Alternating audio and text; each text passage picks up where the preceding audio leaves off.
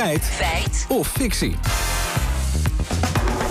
En daarin, Lammert, gaan we het hebben over de vuurwerkcampagne van de Rijksoverheid. Ja, jarenlang hadden we er geen. En dit jaar is hij eigenlijk best wel bijzonder. Want ze vergelijken letselschade met de kans dat je wint tijdens de oude jaarstrekking. Daaruit zijn vier slogans gekomen, waarvan één wel heel specifieke.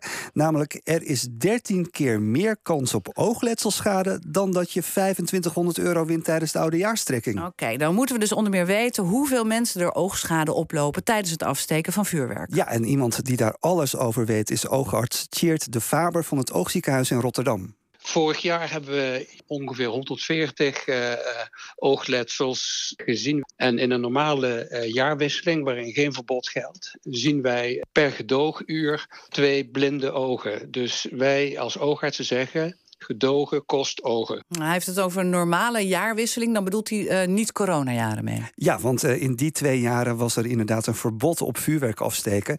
En dat was echt terug te zien in de cijfers. Ze zegt ook Martijntje Bakker van Kenniscentrum Veiligheid NL. Wat je in ieder geval kan zien is dat een uh, landelijk vuurwerkverbod zoals dat gold tijdens de coronajaren leidt tot echt significant minder aantal vuurwerkslachtoffers. En dat je eigenlijk afgelopen jaar waarbij er lokale vuurwerkverboden waren, of in ieder geval afsteekverboden, dat je dat verschil eigenlijk niet ziet. Dus afgelopen jaar waren de cijfers weer op het niveau van voor corona. Oké, en die slachtoffers, zijn dat dan alleen de, de vuurwerkfanaten die zonder veiligheidsbril gaan afsteken? Nee, niet eens. En dat zorgt voor schrikbarende percentages, zegt oogarts Faber. Ongeveer de helft uh, wordt geraakt door zijn eigen vuurwerk. En de andere 50% zijn omstanders. Dat zijn mensen die dus slachtoffer worden van het pretpakket van iemand anders. En daarom heeft hij een belangrijke boodschap aan de politiek. Dat is eigenlijk het bewijs en ook de politieke motivering voor een uh, algemeen vuurwerkverbod. Want je moet 365 dagen per jaar moet je in Nederland als burger veilig over straat kunnen gaan. En dan moet je niet op één dag een uitzondering op maken. Maar dat is dus wel het geval als je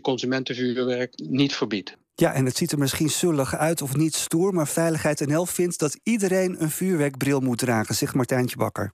We zien dat dat aantal mensen wat een vuurwerkbril draagt echt afneemt. Zowel als je kijkt als als je het zelf afsteekt, is het dragen van een vuurwerkbril heel belangrijk.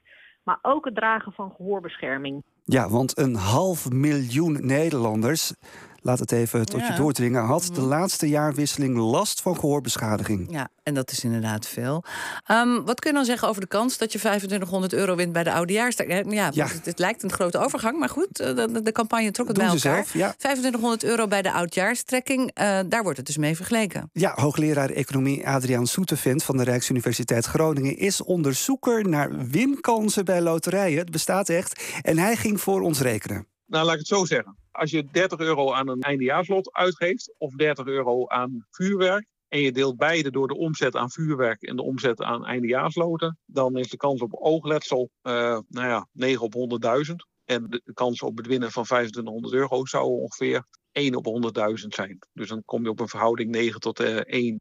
Maar hij voegt daar wel aan toe, het blijft natuurlijk een wetenschapper, dat dit allemaal speculatief is en we van zijn berekening dus niet eh, volledig vanuit kunnen gaan.